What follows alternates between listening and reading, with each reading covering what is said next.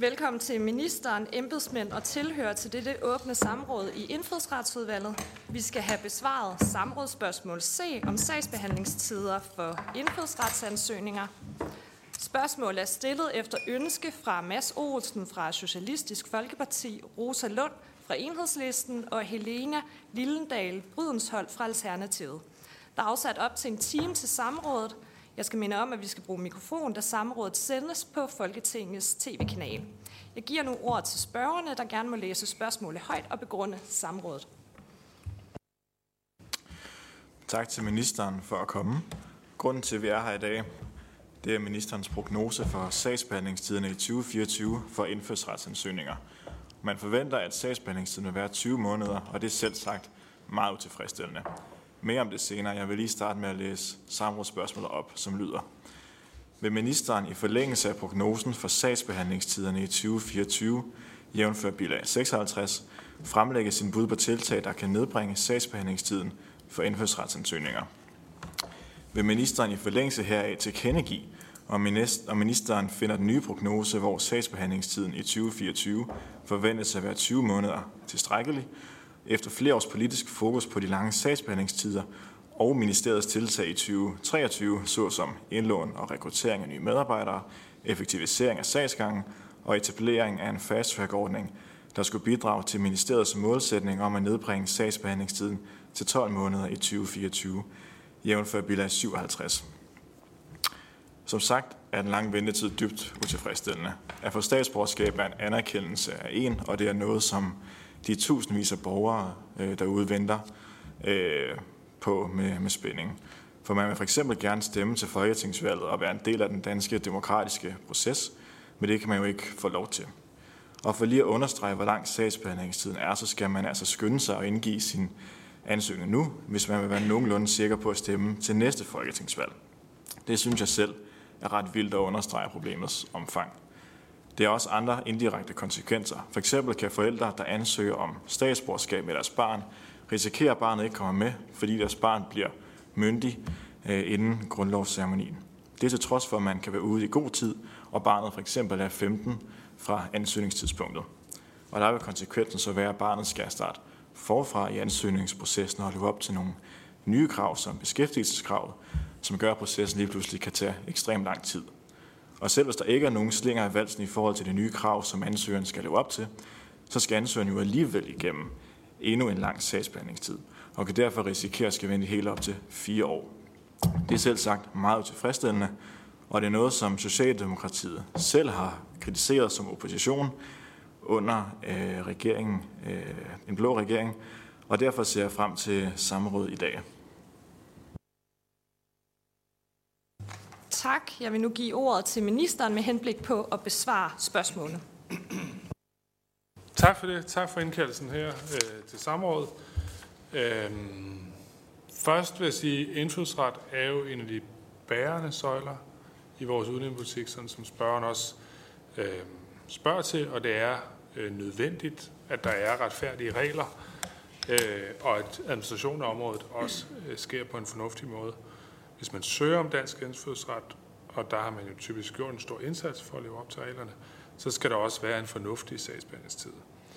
Jeg er enig i, at sagsbehandlingstiden øh, for nuværende er øh, lang, og også for lang, øh, og derfor så arbejder vi fortsat på at øh, nedbringe sagsbehandlingstiden. Det orienterede jeg om i starten af 23 med kvartalsvis orienteringer til udvalget om, øh, hvordan ministeriet vil iværksætte en række tiltag for at nedbringe sagsbehandlingstiden. Det blev samtidig tilkendegivet dengang, at det var forventningen, at de tiltag, som blev sat i gang, kunne medføre en væsentlig nedbringelse af sagsbehandlingstiden, så den gennemsnitlige sagsbehandlingstid vil blive nedbragt til 12 måneder i 2024. Øh, det er desværre viser ikke at være realistisk. Det skyldes blandt andet, at Indfødsretskontoret har brugt flere ressourcer end forudsat på sagsbehandling før og efter kommunalbestyrelsens afholdelse af grundlovsceremonier og på implementering af beskæftigelseskravet. Derudover så har nogle af tiltagene, f.eks. Øh, kort indlån af medarbejdere, ikke haft den forventede effekt, og endelig øh, har man i 2023 ikke kunne se den fulde effekt af de tiltag, der er iværksat med henblik på at optimere driften.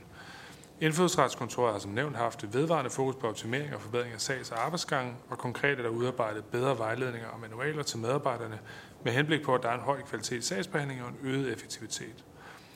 Vi har desuden også i efteråret 23 lavet en omorganisering for at skabe en større specialisering og fokus på de enkelte sagstyper, og det er vurderingen, at omorganiseringen også har skabt bedre rammer for fastsættelse af målsætninger for produktionen.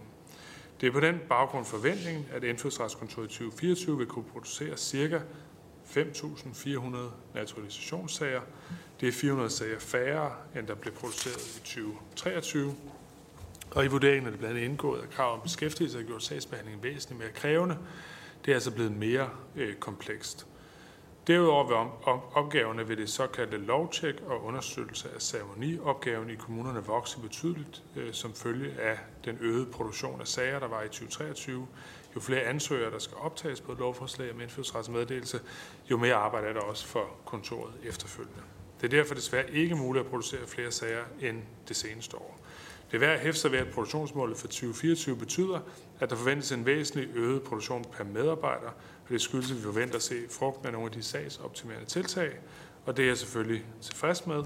Og med dette for øje, så mener jeg, at den forventede sagsbehandling i 2024 er tilstrækkelig.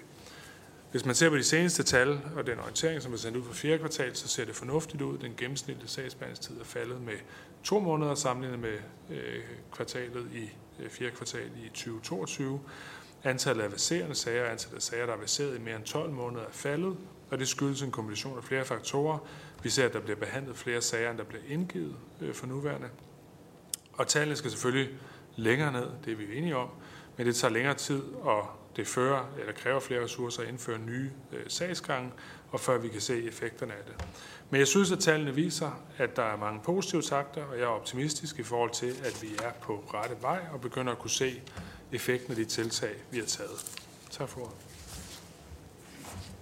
Tak for det. Jeg skal spørge, om en af spørgerne har et opfølgende spørgsmål til ministeren. Værsgo. Jeg tror, vi har mange opfølgende øh, spørgsmål, men, øh, men jeg kan sagtens lægge ud. Øh, en af de ting, som ministeren påpeger øh, her i sin øh, redegørelse, og tak for den, øh, det er jo, at øh, noget af det, som Indfødsretskontoret bruger rigtig meget tid på, det er øh, grundlovsceremonierne øh, og klargøre dem og øh, ude i øh, kommunerne. Og derfor kunne jeg godt tænke mig at, øh, at høre ministeren, om øh, ministeren ikke kunne se en logik i, at vi kiggede på de her grundlovsceremonier, som jo blev indført af øh, tidligere øh, udlændinger og integrationsminister Inger Støjberg, som øh, regeringen jo ikke er afhængig af mere eller noget, og som øh, er almen kendt øh, ren symbolpolitik. Øh, om ministeren ikke kan se øh, en logik i, at øh, vi får afskaffet dem igen, så, vi, så indfødsretskontoret kan bruge deres ressourcer på øh, faktisk at lave sagsbehandlingstid, i stedet for at arrangere grundlovsceremonier, som er ren symbolik og signal. Og, øh, ja, og jeg kan også lige følge op med et ekstra spørgsmål, øh, fordi det andet, øh, ministeren fremhæver i sin, øh, i sin redegørelse, det er, at øh, man også bruger rigtig meget tid på lovtjek af beskæftigelsesområdet. Øh, og der tænkte jeg også, at øh, om ministeren ikke øh, kunne være åben over for, at man droppede de her lovtjek, når nu man har, det kræver ret meget at tjekke op på, øh, på beskæftigelseskravet, som jeg forstår, og indhente udtalelser fra øh, arbejdsgiver og alt muligt andet. Øh, så når man allerede har ligesom sagt god for det, og man så ikke kan dispensere for det her lovtjek, så man ikke også skal gøre det inden et øh, lovforslag. Der er nogen, der bliver optaget på oktoberlovforslaget nu, og så der går lang tid, ikke? og så skal man lave et lovtjek i mellemtiden. Hvis man nu løber værd med det, det vil også skabe flere ressourcer til indfødsretskontoret.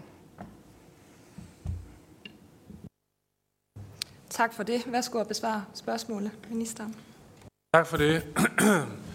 Øhm, jeg tror faktuelt, det er sådan, at, at en helt afskaffelse af grundlovsceremoni selvfølgelig vil gøre, øh, at der vil være mindre arbejde i indfødsretskontoret, men jeg tror også, eller jeg, jeg mener ikke, det er rigtigt, når der bliver sagt, at det er rent symbolpolitik. Jeg har selv deltaget i flere øh, Øh, grundlovsceremonier. Jeg synes, det er en god tradition, øh, og det er en højtidlig dag, øh, hvor rigtig mange af dem, der får statsborgerskab, øh, er glade for øh, at komme og øh, fejre det. Øh, og det, det, der kan være... Øh, nogle steder har der været musik fra ungdomsskolen, som er kommet og spillet, og andre steder har der været taler, der har været øh, højtidlig øh, overrækkelse af, af de her dokumenter. Og det øh, er egentlig mit indtryk alt i alt, at folk er synes, at det er øh, en god dag, øh, som, som man kan...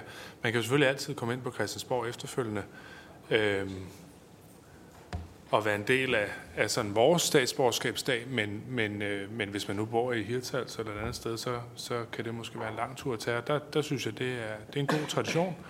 Øh, og så synes jeg også, at det er helt rimeligt, at man for eksempel på kriminalitetsområdet tjekker folk en ekstra gang, før de får statsborgerskab. Altså jeg vil bare sige, nu kan jeg jo ikke sidde og referere konkrete sager, men, men man oplever simpelthen, når man sidder som minister på det område, at folk strækker sig ufattelig langt øh, og, og lyver om nogle helt grundlæggende ting øh, for at få tilkæmpet sig et statsborgerskab. Altså for eksempel, at man påstår, at man ikke er dømt for noget, og efterfølgende viser det sig, at man har nogle meget, meget, meget grove øh, domme i byretten. Øh, og det er, øh, Øh, det, det, det skal vi bare være klar over, at lige så vel som der er rigtig mange af dem, der får statsborgerskab, som kommer med et åbent sind og gerne vil være en del af vores samfund, så er der altså også nogen, der, der udnytter enhver øh, mulighed, der er for at få det her statsborgerskab, som jo betyder, at hvis man får flere domme, kan man ikke smides ud øh, af Danmark.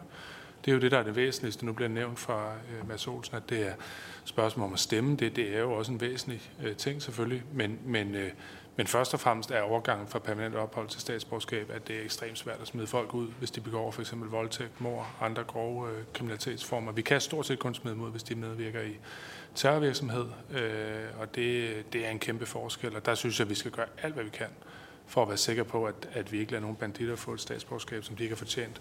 Og så vil jeg sige i forhold til øh, lovtjek, øh, det er jo partshøringen, der gør, øh, at man også forlænger øh, sagsbehandlingstiden. Øh, og det er klart, sådan skal det jo være, når man laver sagsbehandling på det offentlige område, så skal folk jo have mulighed for at svare på de oplysninger, der bliver lagt til grund. Øh, og det er klart, hvis man fjernede krav om beskæftigelseslovtjek flere gange, øh, så vil der være en hurtigere sagsbehandling, men det vil også betyde for mig at se, at, at man vil kunne aflevere en ansøgning, øh, hvor man så havde været i beskæftigelse, og så reelt øh, ikke øh, lever op til det øh, den dag, man, man så får øh, eller kommer på lovforslaget. Det vil jeg synes var uheldigt øh, i forhold til, at det er jo det, der er aftalt af de partier, som, som har lavet indfødsretsaftalen. Tak for det, og vi åbner nu op for spørgsmål fra udvalgets øvrige medlemmer. Og øh, den første til at stille spørgsmål er Rosa Lund fra Enhedslisten. Tak for det, og tak til øh, ministeren for besvarelsen af samrådsspørgsmålet. Øh, jeg tænkte på, om ministeren måske kunne blive lidt mere konkret, fordi øh, det er jo helt rigtigt, hvad mine kollegaer siger, og hvad ministeren egentlig også selv siger, at det er det her beskæftigelseskrav, som er årsag til, at der er et kæmpe ressourcetræk på indfødsretskontoret. Så jeg ved ikke, om ministeren kunne øh, redegøre for, hvor mange af indfødsretskontorets ressourcer, som bliver brugt på at sikre, at det her krav er opfyldt. Øh, altså, jeg er ikke ude i sådan, at nu skal ministeren personligt sidde til arbejdstimer, men altså, har ministeriet en eller anden vurdering af, hvor stort et ressourcetræk det her er? altså det her beskæftigelseskrav øh, er på indfødsretskontoret, som jo medfører, at sagsbehandlingstiderne bliver så lange, som de gør. Tak for det, og værsgo og består spørgsmålet. Altså jeg tror, først vil jeg bare sige helt generelt, det ved Rosalund selvfølgelig godt, øh, men, men også bare for en god ordens skyld, at der er jo øh, en række ting, der gør, at sagsbehandlingstiden er, som den er. Øh, Rosalund kender også historien, at man oprindeligt havde et meget mindre indflydsretskontor, men gav statsborgerskab til rigtig mange mennesker, på hvad jeg i hvert fald vil vurdere, er også et rimelig løst grundlag. Øh, og så udvidede man blandt andet på enhedslistens initiativ bemandingen i indfødsretskontoret i 2014-15, og øh, senere strammede man kravene, så sagsbehandling i virkeligheden nu er nogenlunde det samme. Så der har været den her dynamik øh, på det område, som, som er væsentlig med, og, og der er en række ting. Det er klart, at beskæftigelseskravet er væsentligt. Jeg kan ikke øh, sige det sådan særskilt. Men der er jo også andre ting, som, som fylder. Altså kriminalitetstjek tager også tid. Øh, det skal jo i kriminalregister og så videre for at få det op. Jeg vil også sige sådan i al stilfærdighed, jeg, jeg nyder at være sammen med Folketinget, men altså, det er også det er mine udvalg, der har langt flere samråd og spørgsmål og så videre. Det tager jo også tid at svare på det øh, for, for de medarbejdere, som nu sidder der. Så der er jo en række faktorer, som, som spiller sammen i, at, at vi har svært ved at nedbringe den sagsbehandlingstid.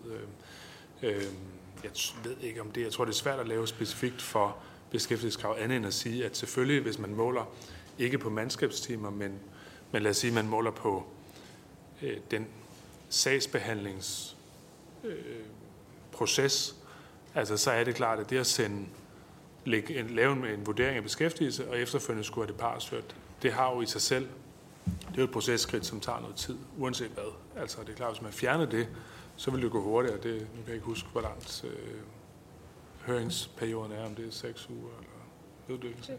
Ja, så, så det kan man sige, det er klart, det ville jo være det kortere, hvis ikke man skulle lave øh, den høring. Tak, og næste spørger er Mads Olsen, Socialistisk Folkeparti. Altså det har jo været et problem i lang tid, og der har også været politisk fokus på det i lang tid. Altså siden næsten 2018 har jeg en artikel herfra, hvor det også var et problem, som er DR. Så det er jo noget, man er nødt til at se det lange træk på, og ministeren var også inde på, at, at det kræver flere ressourcer, hvis man skulle nedbringe ventetiderne, og jeg har svært ved at forestille mig, at man dropper beskæftigelseskravet og alt det der ting. Så hvis man skal have hurtigere sagsbehandlingstid, så øh, kunne det jo være at, at, at øge bemandingen på indfødsretskontoret, som man har gjort før. Er det noget, ministeren er, er villig til at se på, altså tage det her lange strukturelle træk og ikke lave indlån af medarbejdere, men hyre flere medarbejdere for at nedbringe sagsbehandlingstiderne? Ministeren. Først vil jeg sige til historikken, altså, øhm, ja, det har været et problem i lang tid, men det afløste jo for mig at se et andet problem, som var for eksempel, at man øh, havde et relativt lille antal af udsteder af PTSD-diagnoser, som også gav adgang til en relativt nem sagsbehandling på det område her. Så, så, så man kan sige, der hvor vi begyndte at have en højere sagsbehandlingstid, det var da vi stoppede med at give statsborgerskab til en masse mennesker, som måske fik det for mig at se i hvert fald på, på, et, på et forløst grundlag. Øh, og der vil jeg hellere have det problem, vi har nu, end at have det problem, vi havde sidst. Altså at vi giver statsborgerskab til nogen, som måske reelt ikke har, øh, har grundlag for det. Øh, og så vil jeg sige i forhold til medarbejdere, jamen, øh, vi har for nylig i, i hele udlænding og institutionsministeriet øh, skåret cirka 8 procent af vores medarbejderstab, øh, omkring ja, 140 medarbejdere. Øh, Øh, og der har vi helt friholdt øh, indfødsretskontoret af den samme årsag, altså fordi vi synes, det er væsentligt, at, at vi ikke stiller, øh, at vi ikke stiller øh, sagsbehandling på det område her værre end på andre områder. Øh, så kan man sige, at der er to udfordringer i forhold til at ansætte nogle flere af dem, som skal lave sagsbehandling på indfødsret. Den ene udfordring er øh, finansieringen af det. Øh, det er jo, ligesom enhedslisten fik det i 2014, en åben mulighed at, at spille det ind som en mulighed i, i en finansårsforhandling eller andre steder. Øhm, men hvis man snakker om at skulle nedbringe sagsbehandlingen meget, altså som helt ned til, til også lavere end de 12 måneder, øhm, øh, hvad hedder det, så tror jeg, at der også er en udfordring i øh, tilgængeligheden til jurister, som har øh, kompetence inden for det her. Altså, at, at der er jo ikke mange steder i centraladministrationen mangler man øh, juridiske øh, medarbejdere. Og, og, og det er ikke fordi, det skal blive sådan en HR-redegørelse, men jeg tror ikke, hvis man sagde, at man ville fordoble antallet af folk, der sagsbehandler, så tror jeg ikke, det ville bare kunne gøres øh, fra en måned til en anden. Altså det, det ville være noget, der skulle opbygges over meget lang tid, fordi det er en meget specialiseret opgave, som vi er med at gøre her. Tak for det, og jeg giver nu ordet til Rosa Lund fra Enhedslisten. Tak for det. Øh, jeg er meget enig i ministerens øh, udlægning af historien, men jeg føler dog alligevel trang til at tilføje, at enhedslisten jo ikke fik udvidet indfødsretskontoret for at administrere nogle nye, meget, meget stramme krav. Så det er jo også, hvad kan man sige, lidt med, hvad for nogle øjne man kigger på det med. Øhm, I min optik er det de meget, meget stramme krav, der gør, at sagsbehandlingstiden er blevet så lang. Og det kan man jo selvfølgelig godt hælde nogle flere ressourcer i. Nu kan regeringen jo lave finanslov med sig selv, fordi regeringen har flertal med sig selv. Den situation bliver forhåbentlig ændret snarest muligt. Øh, og så kan vi jo tage diskussionen igen øh, om økonomien. Men det, som jeg har tænkt over i forhold til beskæftigelseskravet, det er, at når man i de her regler, der skal administreres, som gør, at sagsbehandlingstiderne bliver så lange. Der er jo både et beskæftigelseskrav og et selvforsørgelseskrav. Altså, kunne man ikke nøjes med en af delene? Det vil jo også nedbringe sagsbehandlingstiden. Tak for det. Ministeren? Jamen, hvis det kan glæde øh, Rosalund til at sige, hvis ikke enhedslisten havde bidraget med de midler dengang, så havde der været endnu længere sagsbehandlingstid i dag. Hvis der stadig kun havde siddet 20 medarbejdere i kontoret. Det, det kan jeg i hvert fald sige med sikkerhed. Så på den måde er der jo en silver lining et sted derude. Øh, men øh, jeg ved ikke, om det med nedbringe det, om man kan gøre det. Jeg vil gerne undersøge det. Jeg synes, det er alle gode forslag, som opretholder den aftale, som nu ligger, men samtidig øh, sørger for, at, at, øh, at vi kan få en mere effektiv øh, sagsbehandling. Dem vil jeg gerne kigge på. Jeg har ikke fået det præsenteret det her som en mulighed tidligere, men, øh, men det kan være, der ligger noget der. Tak, og næste spørgsmål er fra Helene Lillendal, Brudenshold fra Alternativet. Tak, det er også et langt navn. du klarede det godt. Øhm, jeg vil lige følge op på det, øh, bare lige komme med nogle kommentarer på det her med grundlovsceremonien. Jeg tror jo nok, at selvom at øh, folk synes, det er en god tradition og er glade for det, øh, det har jeg ikke belæg for at sige, men jeg tror, at, øh, at, at mange hellere vil have en kortere sagsbehandlingstid, end at skulle til en øh, grundlovsceremoni. Jeg kunne lige godt tænke mig at høre, om ministeren ved, øh, hvor mange ressourcer indfødsretskontoret bruger på det her, hvor mange mandetimer, og kan man finde ud af det? Det kan også godt være, at det bare kan oversendes øh, skriftligt, øh, men det, det er jeg egentlig nysgerrig på. Øh, og så øh, en helt anden ting, øh, jeg vil spørge om, som jo er en, en problematik, som er afledt af de her mange meget lange øh, sagsbehandlingstider, det er spørgsmålet omkring bipersoner, øh, øh, hvor der jo er en... Øh, en regel om, eller hvad vi skal kalde det, at, øh, at, at, at børn under 18 år, de, øh, de øh, kan få statsborgerskab sammen med deres forældre. Øh, men det tæller ligesom først for, når de har fået statsborgerskab forældrene. Og der ser vi i indfødsretsudvalget rigtig mange sager, hvor at øh, børnene når at øh, blive 18 år øh, i mellemtiden. Øh, og så derfor ikke kan få automatisk øh, statsborgerskab sammen med deres forældre, og så lige pludselig skal ud i at, øh, at ansøge selv det er tit unge mennesker, der skal til at gå i gang med en uddannelse eller andet, så det kan de ikke. De opfylder ikke beskæftigelseskrav. Vi ser rigtig mange sager af det, og nogle gange er det et par måneder, der gør, altså et par måneder, øh, som, som deres forældre har fået for sent statsborgerskab, der gør, at de så ikke øh, kan få det. Og det synes jeg er meget uheldigt. Vil ministeren være villig til at kigge på, om man kunne, øh, man kunne få den personkreds øh, give dem, øh, give dem lov til, at det gælder fra ansøgningstidspunktet, og ikke fra når, øh, når forældrene får endelig, øh, endelig statsborgerskab, som jo er ved grundlovsceremonien. Tak for det. Ministeren? Øhm.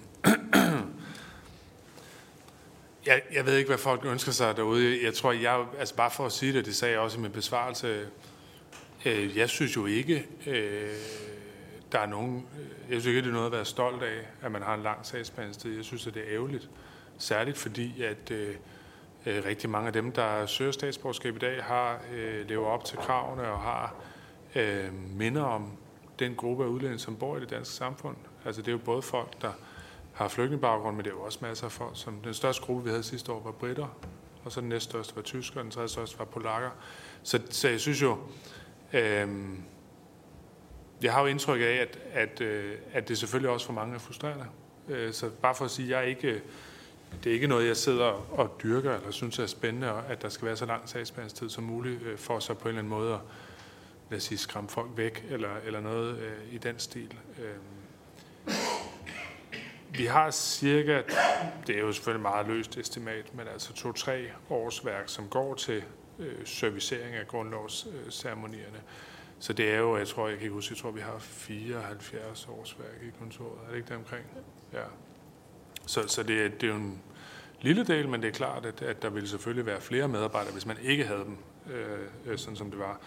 Og så øh, i forhold til bipersoner, altså... Øh, jeg synes, at der skal være mulighed for, at man får sine børn med som bipersoner, men jeg er også selv i tvivl om, for eksempel den gruppe, der er mellem 15 og 18, om vi... Altså på det sidste lovforslag var der jo, så vidt jeg husker, en, der havde øh, 11 bipersoner på en enkelt øh, ansøgning. Øh, vi kontrollerer for kriminalitet, øh, men, men det er klart, hvis det, hvis det er den praksis, der udvikler sig øh, så synes jeg ikke, at vejen frem er at lempe det øh, mere. Så vil jeg nærmere sige, at når man ligger i det der felt mellem 15 og 18, at så skal der måske være øh, ja, en større grundighed i den måde, man, man ser på den gruppe. Altså, jeg, jeg synes ikke, at, at det skal være sådan, så hvis man når at sende sit papir ind øh, den dag, ens barn er, øh, er 17,5, at så, øh, at så har man automatisk øh, sikret sig statsborgerskab, uanset at sagsbehandlingen så går hen til vedkommende er 19,5 år. Øh, jeg synes nærmere, at vi har en udfordring med, hvis der kommer alt for mange bipersoner ind øh, på, på en enkelt, øh, på en enkelt øh, person, der får statsborgerskab. Men det er klart, det er en åben diskussion. Vi har en aftale med øh, en række partier omkring øh, indfødsretsområdet, øh, og der er det en diskussion, som kommer op selvfølgelig af til, hvor vi jeg synes, jeg har en god aftale fra, øh, fra nogle år tilbage, og, og den bygger jo på den aftale, der blev lavet i 18, øh, hvor de her krav øh, indgår. Øh, og der er der da et ønske, ikke så meget fra den side af salen, som øh, Helene Brydensholt sidder på, men, men mere fra den anden side af salen om, at man går lidt skarpere til øh, spørgsmålet om bipersoner. Øh, og det, ja, jeg, jeg i hvert fald ikke, jeg bevæger mig ikke i den retning, hvor det skal være nemmere øh, for bipersonsdelen af, af statsborgerskabsansøgningerne. Tak for det. Og næste spørgsmål er fra Mads Olsen, Socialistisk Folkeparti. Mit spørgsmål går på, hvad ministeren selv mener er en retfærdig sagsbehandlingstid. Fordi, ja, også om han er enig med sin regeringspartner, partner, Janne Jørgensen, der i artiklen, nu tager det næsten to år at få ja eller nej til statsborgerskab fra den 16. maj 2018, øh, siger følgende. Janne Jørgensen vil ikke give et præcist bud på, hvornår sagsbehandlingstiden bringes ned, men står fast, at en rimelig sagsbehandlingstid for en ansøgning om statsborgerskab bør være omkring 7-8 måneder. Jeg vil bare høre, om ministeren deler Janne Jørgensens øh, ambition omkring det her, eller om det ligesom måske er en konflikt eller uenighed i regeringen om det. Tak for det. Ministeren? Jeg har simpelthen ikke haft mulighed for at drøfte det med, med Janne Jørgensen, men, men, øh, men han ved jo meget om området, og jeg er jo selv advokat, så Monika han har nogle gode perspektiver også øh, til den her diskussion. Jeg har det sådan, at sagsbehandlingstiden er vigtigere på områder, som har en meget stor betydning for folks situation, end for områder, som har en mindre betydning for folks situation. Og uanset at vi alle sammen synes, at statsborgerskab er en enormt vigtig ting i det danske samfund, så har det ikke nogen særlig stor betydning for, hvad for, altså hvad for en mulighed du har for at blive i Danmark. Hvis vi sammenligner med de andre ting, som vi sidder og administrerer i Udlændinge- så har man blandt andet erhvervsopholdsordninger, hvor det er for eksempel virksomheder, der rekrutterer rekrutteret medarbejdere fra Indien eller andre lande. Det er klart, hvis det tog 22 måneder, så vil ordningen jo være øh, ugyldig. Så har vi ukrainere, øh, andre øh, flygtninge og fordrevne, som selvfølgelig også inden for en rimelig tid skal have at vide, kan de få lov til at få asyl i Danmark. Så har vi øh, familiesammenføringsansøgninger, hvor man også kan sige, jamen det er jo ret afgørende for et ægteskab, om du kan få din kone fra Thailand eller andre lande til Danmark øh, inden for en rimelig tid. Og så har vi sådan noget som permanent ophold eller tidsubegrænset ophold, hvor, hvor det jo også er enormt definerende for, hvad er dine rettigheder i Danmark. Altså det store, det er ikke for sådan at skulle gøre en forelæsning ud af det, men nu er det en mand, der spørger, så kan jeg godt mansplane en lille smule. Men, altså, men, men, øh, men den store forskel i opholdsgrundlag er jo ikke mellem statsborger eller ikke statsborger. Den er jo mellem permanent ophold eller ikke permanent ophold. Og derfor synes jeg personligt, at det er vigtigt, at vi på de områder har en, en sagsbehandlingstid, som, som er til at overskue, end at vi har det på, på statsborgerskab. Men det betyder ikke, at jeg er tilfreds med det, der er nu. Jeg siger bare, at hvis jeg kunne vælge mellem at have den sagsbehandlingstid på permanent ophold eller på statsborgerskab, så vil jeg hellere have det her på statsborgerskab, fordi det betyder mindre for, hvad for nogle vilkår du har for at være i Danmark. Tak for det. Og næste spørger er Rosa Lund, Enhedslisten.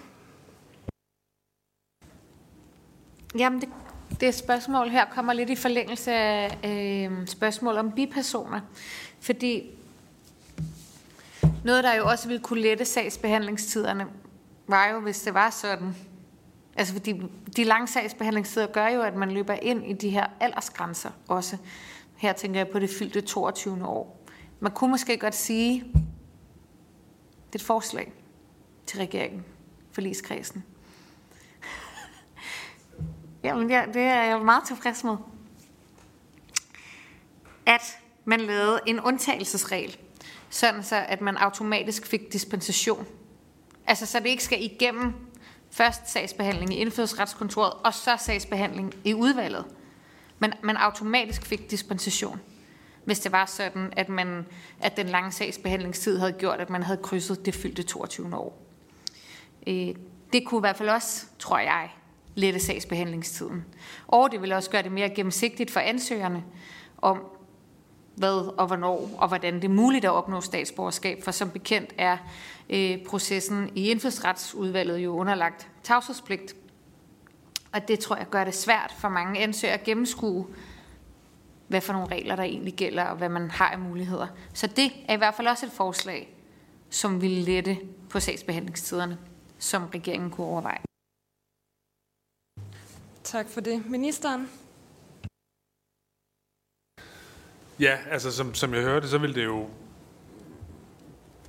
eller det ved Rosalund selvfølgelig godt, men vi kan jo ikke lave i indfødsretskontoret en vurdering af de sager. Altså vi må ikke lave et skøn af, øh, hvad for nogle vilkår der er for den enkelte ansøger. Men, men hvis det er en automatisk ret til dispensation, hvis en sagsbehandlingstid er gået hen over øh, krydset grænsen for 18 år, så vil det jo være at forlænge bipersonsgrænsen med den til enhver tid gældende øh, sagsbehandlingstid. Og det, det synes jeg ikke er en god idé.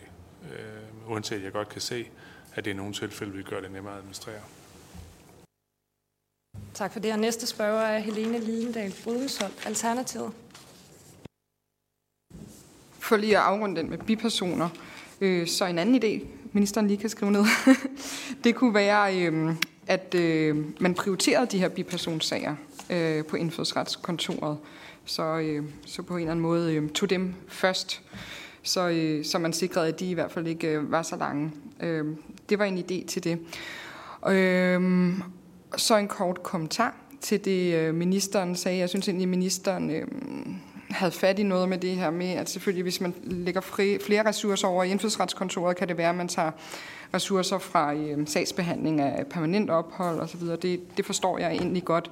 Øh, det jeg ikke øh, er helt enig i, i den måde, ministeren udlægger det på, at, øh, at statsborgerskab bare handler om at kunne stemme eller ej. Øh, nu sidder jeg jo selv i indfødsretsudvalget og har grædende mennesker i telefonen, øh, så, hvor jeg må sige, øh, det kan være fordi jeg siger, jeg tror ikke, du i din sag kan komme igennem, så jeg tager den ikke, og de bliver så ulykkelige. Det betyder rigtig meget øh, for rigtig mange mennesker, også unge mennesker, der ikke kan rejse ud i verden, ligesom deres jævnaldrende. Øhm, øh, så, så det er bare lige for at betone, at det, det betyder altså mere, end man lige tror, også hvis der er nogen, der sidder og ser med, at, øh, at det betyder virkelig meget øh, for mange mennesker, ikke kun det her med at kunne stemme. Så har jeg nogle, øh, nogle konkrete øh, spørgsmål, som er mere teknisk karakter. Øhm, og det er fordi, jeg ved, at der er rigtig mange, der sidder øhm, og bliver frustreret derude over, at de ikke rigtig kan følge med i deres sagsgang. Øh, så derfor vil jeg høre, om man øh, på en eller anden måde kan, øh, kan lave noget, noget, noget IT eller noget teknik, hvor man kan gå ind og tjekke, hvor langt man er i systemet, når man... Når man har ansøgt om statsborgerskab. Jeg tænker også, øh, det måske, det må ministeriet lige øh, undersøge, hvis man vil gå videre med det, at det kan aflaste nogen fra indfødsretskontoret, for jeg forestiller mig også, at øh, man sidder med mange telefonopkald med folk, der gerne vil vide, hvor er jeg i systemet, hvor lang tid er der nu tilbage, ikke? fordi at det betyder så meget for folk, at man gerne vil vide, om man øh, når får det. Øh, så det var den ene. Og det andet er, om man kan, man kan tilføje lidt mere information på hjemmesiden, for eksempel om, hvad er det for nogle, øh, øh jeg tror man kalder det objektive dataparametre, øh, men man laver de her sprintsager og fast sager øh, ud fra. Øh, og det samme med de, de nye udelukkelsessager. Så, så folk får lidt mere information, og igen, det kan jo være, at man så afvæver, at der er så mange, der ringer ind for at spørge hele tiden. Det kan også være jurister, der hjælper om en sag øh, og andet. Tak for det. Ministeren? Øhm, det sidste er jeg enig i, altså at det er vigtigt, at vi giver så klar en information, både i forhold til, hvad folk kan forvente af sagsbehandlingstiden er, og selvfølgelig også øhm, i forhold til de her relativt nemmere sager, hvad det er for nogle vilkår, eller hvad det er for nogle øh, dokumenter og øh, sager, som skal være på plads for, øh, at man kommer ind øh, under det.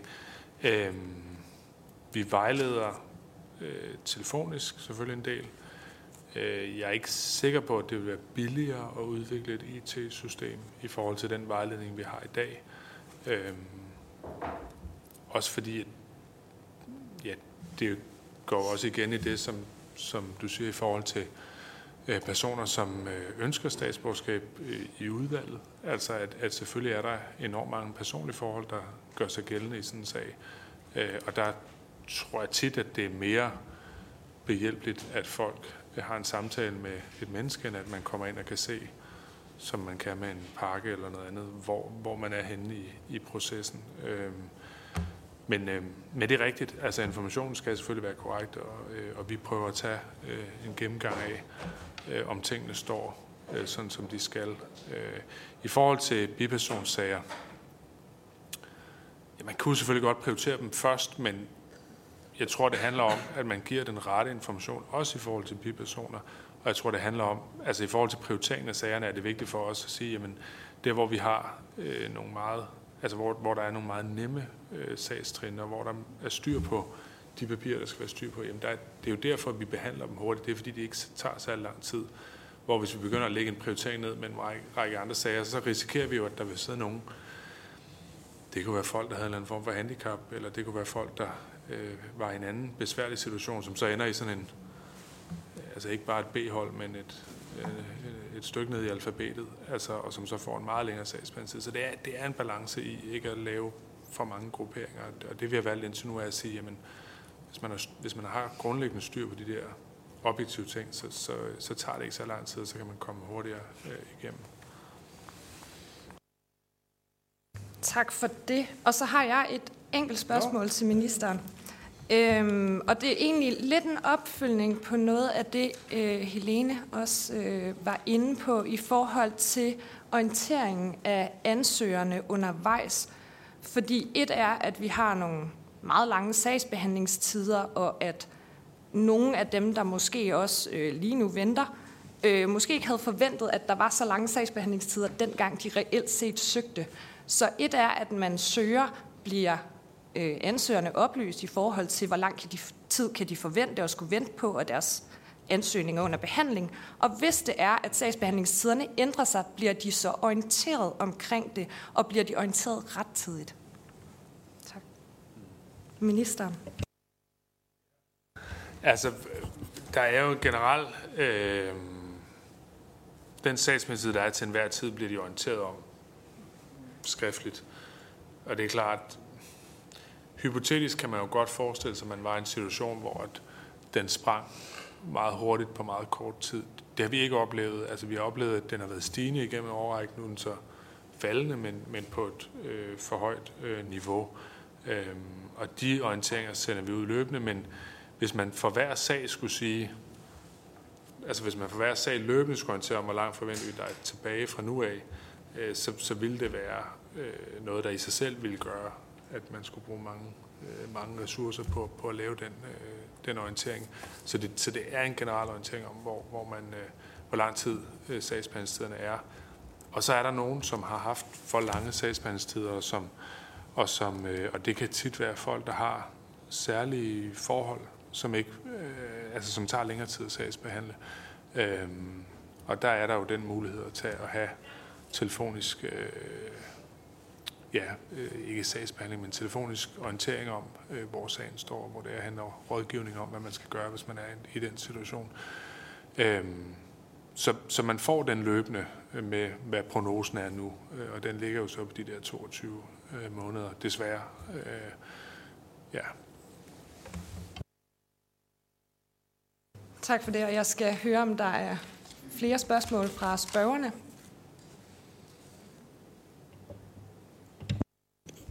Jeg har et enkelt stående her på bloggen. Det, det kan vi da lige så godt få med, inden vi er øh, afrunder.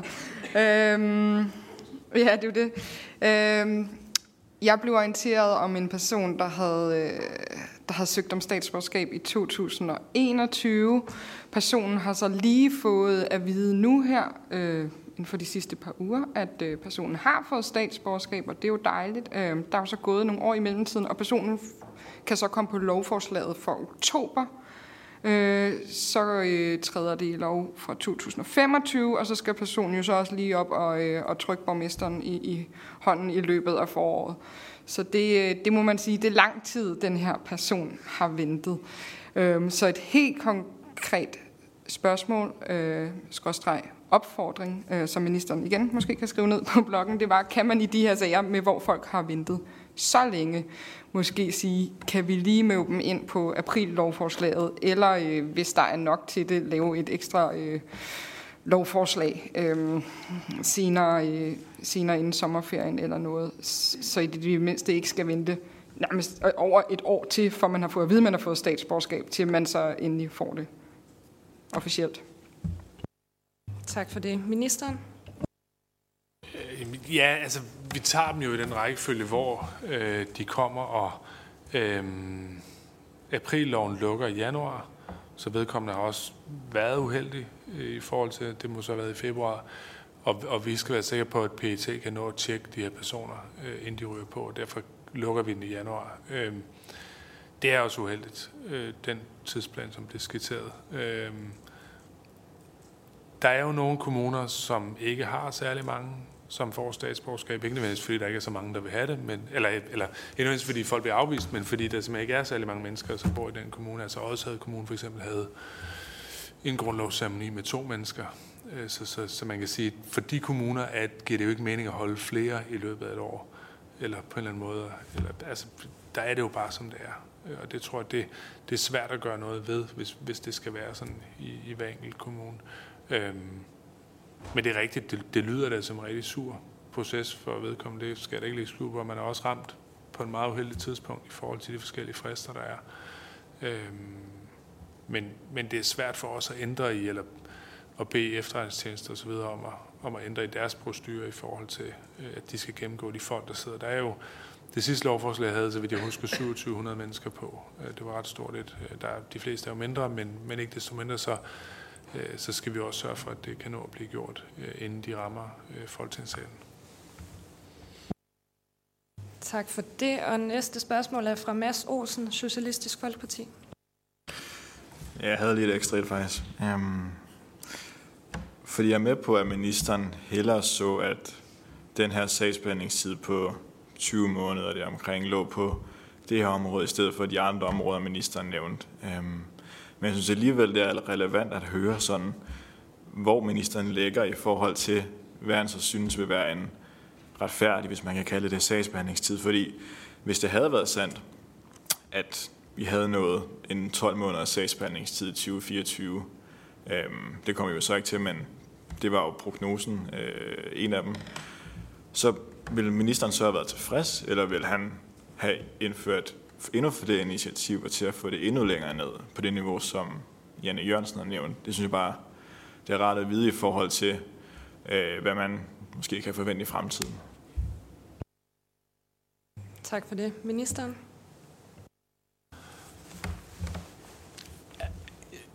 Hvis vi var på 12 måneder, og jeg stod og sagde, øh, nu har man de her ressourcer, selvfølgelig er det en ting, der handler om, kan man gøre det mere effektivt kan der være et IT-system? Kan der være en oplysningsmetode, som på en eller anden måde ikke kræver medarbejderressourcer? Men hvis jeg sad og havde sagsmændstid på 12 måneder, så ville jeg kigge hen over det ministeriums øh, samlede øh, forretning eller koncern, og så vil jeg sige, hvad er sagsbehandlingstiden på tidsubegrænset ophold? Hvad er sagsbehandlingstiden på asyl, på øh, udenlandsk arbejdskraft, på øh, andre studieordninger?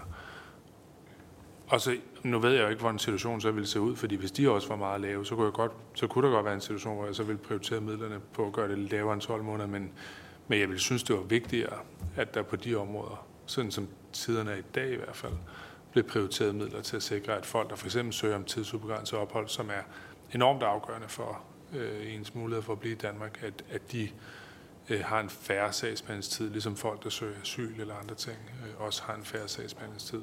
Men det er klart, det forudsætter, at vi kommer ned på 12 måneder, der er vi ikke nu, øh, så, så, så, så det er måske lidt tidligt at snakke om det, men, men, øh, men jeg, vil, jeg vil være sikker på, at de andre sagsbehandlingstider var rimelige, før jeg begyndte at bruge de relativt afgrænsede ressourcer, der er i ministeriet til det her, øh, til, til, at, til at få sagsbehandlingstid under 12 måneder på indfødsret. Tak for det. Og jeg skal høre, om der er flere spørgsmål til ministeren, eller om en af spørgerne øh, vil har et afsluttende spørgsmål, eller vil afrunde samrådet?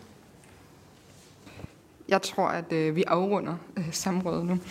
Øhm, hvis jeg skal lave nogle korte bemærkninger eller opsummere, øh, det lyder som om vi er enige om, at det er utilfredsstillende, at øh, sagsbehandlingstiden er så lang. Og jeg hører også ministeren sige, at øh, ministeren egentlig godt så, at det, øh, at, at det blev, kunne blive kortere tid, men jeg hører måske ikke helt ministeren øh, sige, at, øh, eller kan pege på nogle tiltag, som reelt vil kunne gøre det på nuværende tidspunkt. Vi har fremlagt nogle øh, gode idéer øh, her fra spørgernes side, øh, som jeg håber, at ministeren øh, alligevel vil tænke lidt mere over. Nogle af dem blev afvist ret hurtigt, og nogle øh, var der måske lidt mere åbning for, men, øh, men det kan være, at ministeren alligevel vil tænke lidt mere over det og tage det tilbage til øh, sine regeringskollegaer. regeringskollegaer. Det kan jo være, at der er nogle af dem, der også er lidt mere øh, positivt stemt over for, for forslagene. Nu sidder de desværre ikke her i lokalet. Øhm, ellers så, øh, så vil jeg sige tak for et øh, godt samråd. Tak til ministeren for at, at komme og besvare vores spørgsmål.